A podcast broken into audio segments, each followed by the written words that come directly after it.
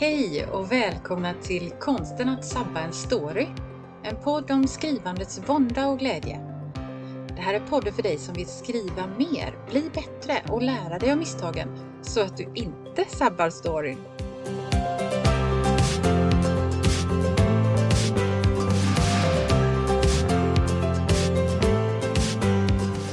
Jag heter Anna-Karin Svanå. Jag är skrivarcoach, lektör och författare. Men nu sätter vi igång!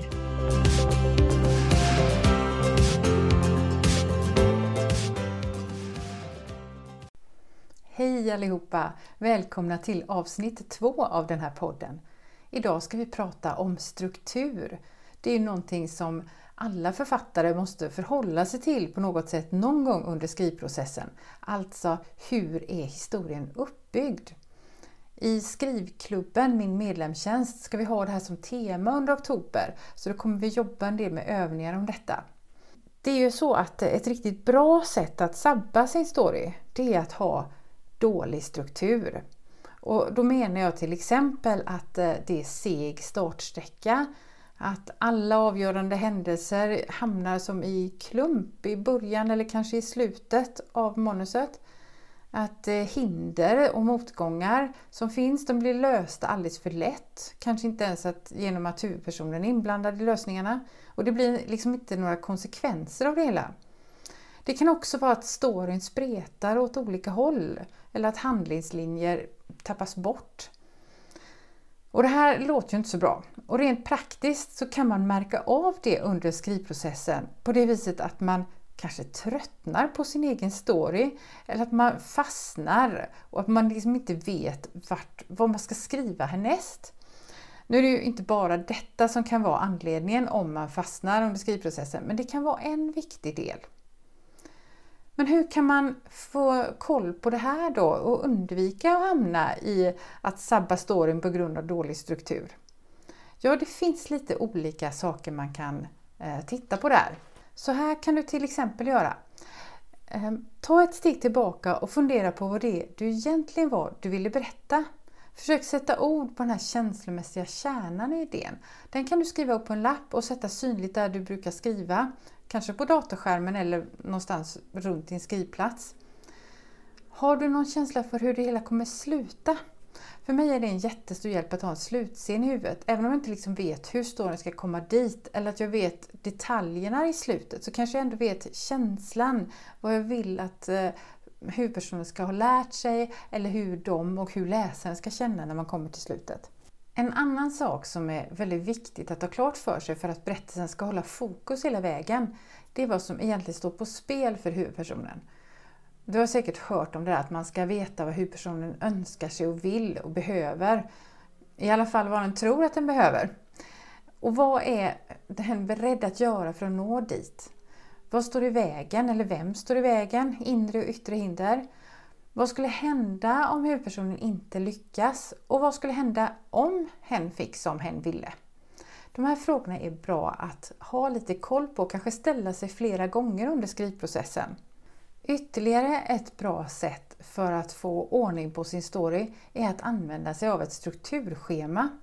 Och det menar jag ungefär som att man ser en modell framför sig eller en lista där de viktiga delarna i storyn finns med.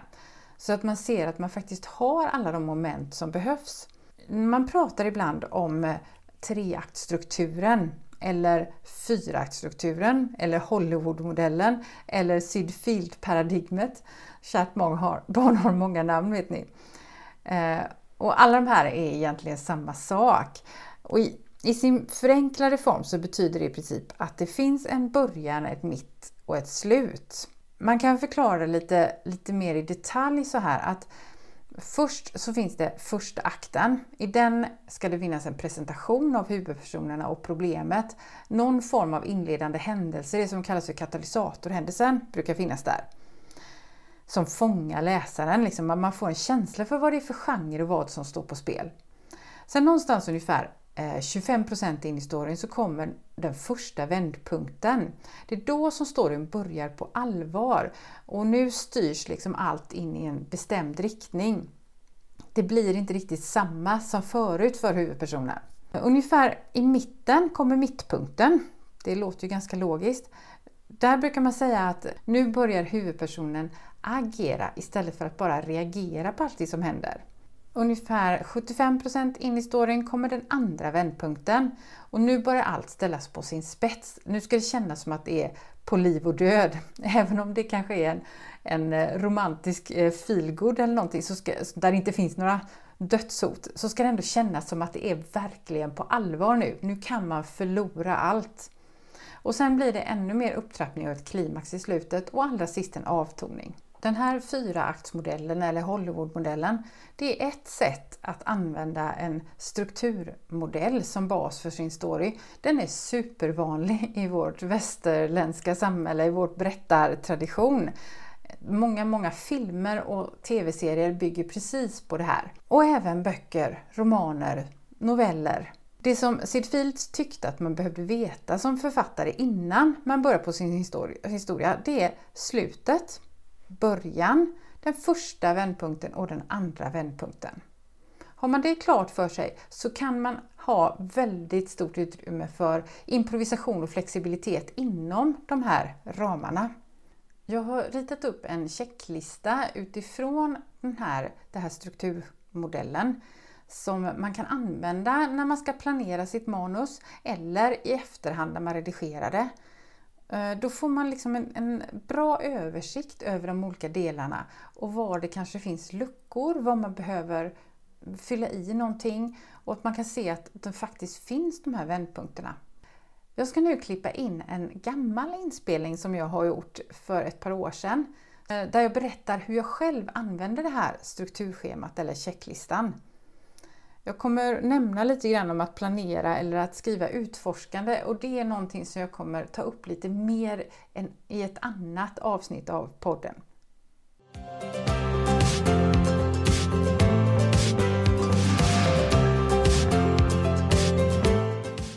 Och jag tänkte nu idag prata lite grann om hur jag gör när jag skriver och när jag jobbar med text. Hur jag använder det här strukturschemat det är så att det blir lätt lite diskussioner när, det, eh, när man pratar om planering och struktur och scheman och sådär. Eh, det finns liksom två olika läger om man säger så. Det är de som tycker att planering är ett måste. Man måste planera i förväg därför att då går allting så mycket lättare. Då vet man vad man håller på med. Man behöver inte svamla runt, man behöver inte komma in på sidospår som tar jättelång tid. Eh, man vet helt enkelt vart man är på väg och man märker när man är i mål. Allting blir ja, så enkelt. Sen finns det den andra sidan, de som tycker att nej men strukturplanering, nej, det dödar ju all skrivlust. Det där vill jag inte vara med om. Jag vill skriva på inspiration, på intuition. Det här organiska sättet att jobba fram en text och en historia. Vad är det som är rätt eller fel här då? Ja, det kan man ju faktiskt inte svara på därför att båda är rätt. Det beror helt enkelt på vem man är som person och ibland handlar det också om vilken sorts text man just håller på med. Själv så gillar jag ju både och. Jag gör lite av varje. Jag älskar att planera. Det är så jag gör hela tiden, även i, liksom när jag ska jobba. Jag skriver upp listor och punkter och allt möjligt sådär. Och när jag ska skriva en lång text så gör jag ett utförligt synopsis. Jag skriver in alla viktiga scener och hur de ska påverka händelseförloppet och karaktärerna.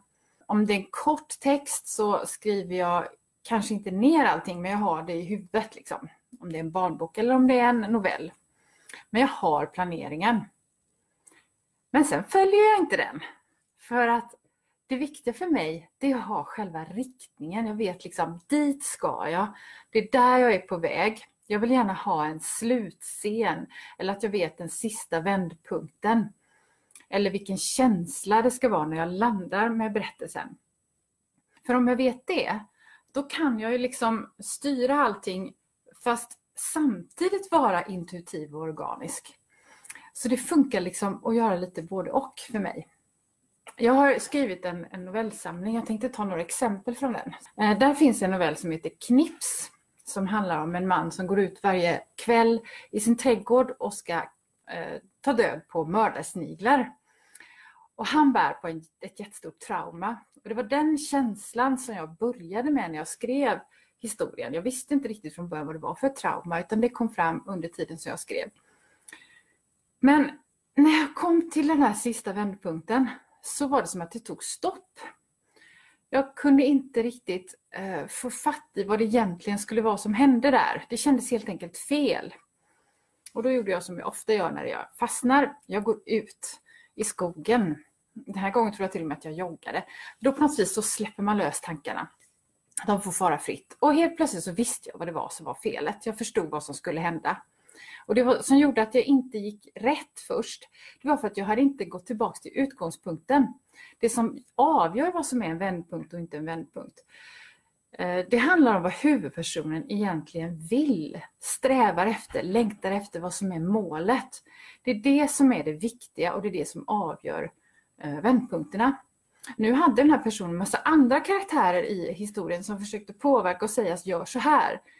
Men han ville inte det. Och när jag försökte följa de andra personerna då blev det också fel. Så det var inte förrän jag gick tillbaks till den grundläggande känslan och det som faktiskt var det viktiga för honom. Då kom jag rätt igen. Så där använde jag strukturschemat liksom lite för sent egentligen. En annan av de här novellerna i boken som heter Ett främmande barn där hade jag det mycket, mycket tydligare för mig när jag började skriva. Jag visste precis hur vändpunkterna skulle vara, speciellt den sista. Det var det jag hade liksom som, som min första idé egentligen. Eh, så när jag hade skrivit hela eh, råmanuset så var jag ju, då hade jag ju landat där jag tänkte att jag skulle landa. Och det är då jag egentligen faktiskt mest använder mitt strukturschema. Den här checklistan med alla vändpunkter och alla hinder. För då analyserar jag min egen text. Då tittar jag på vad som ehm, var hindren finns. Är de tillräckligt jobbiga? Var ligger vändpunkterna någonstans? För om har tittat på det här eh, hur modellen för det själva strukturschemat ser ut. Som ni sen, om ni inte vet det så kan ni gå in och titta på min blogg. Där står det att den första vändpunkten ska komma ungefär 25 in i historien och sen en mittpunkt i mitten och sen eh, sista vändpunkten ska vara ungefär 75 in i historien. Nu är inte det så jättenoga att det är exakt så på procentställena när man skriver en, en skönlitterär text. Men ändå bra att ha en ungefärlig känsla för att här ska det nog vara. Um, så när jag analyserar min egen text när den är färdig så tittar jag på var ligger vändpunkterna någonstans. Och i det här fallet med eh, novellen Ett främmande barn så märkte jag när jag analyserade att det var alldeles, alldeles för långt. Det tog, väldigt för, det tog för lång tid innan jag kom fram till första vändpunkten. Det var helt enkelt sekt i början. För lång startsträcka. Och jag förstod att det som jag själv behövde göra, när jag skulle skriva mig in i historien, så behövde jag börja från början. Hur personen lämnar sitt hem, alla saker hon gör när hon åker iväg i sin bil, innan hon kommer fram till platsen där historien ska utspela sig. Jag behövde det, för det lärde jag känna personen på. Men berättelsen behövde inte börja där. Den började precis när hon kom fram. Så att jag fick helt enkelt klippa bort ett långt stycke i början. Och då passade vändpunkterna, då blev det plötsligt mycket bättre eh, fart i berättelsen helt enkelt. Så strukturschemat kan man alltså använda först när man planerar, innan när man tänker ut alltihop. Det kan användas för att man ska veta vart man är på väg så man har en bra riktning. Men man kan också använda den efteråt när man redan har skrivit och se så att det stämmer bra och liksom hyfsa till det efteråt och finslipa då. Så det finns alla möjliga sätt att jobba med struktur och använda ett, en, ett strukturschema eller en checklista.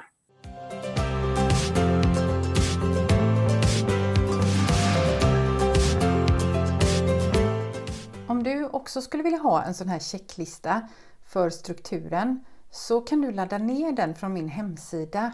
Titta under fliken podd så hittar du en länk där. Den här checklistan kan ju alltså användas både i planeringsstadiet eller efteråt när man redigerar. Och det är inte tänkt att den här checklistan ska vara en fullständig scenförteckning utan se det mer som ett skelett som du kan eh, fylla ut. Och under en skrivprocess så kan den här planen ändras när det behövs. Men just det faktum att du har en plan och ett skelett det gör att du inte kommer helt vilse när inspirationen verkar som bortblåst. Du vet vart du är på väg helt enkelt och då kan du fortsätta skriva.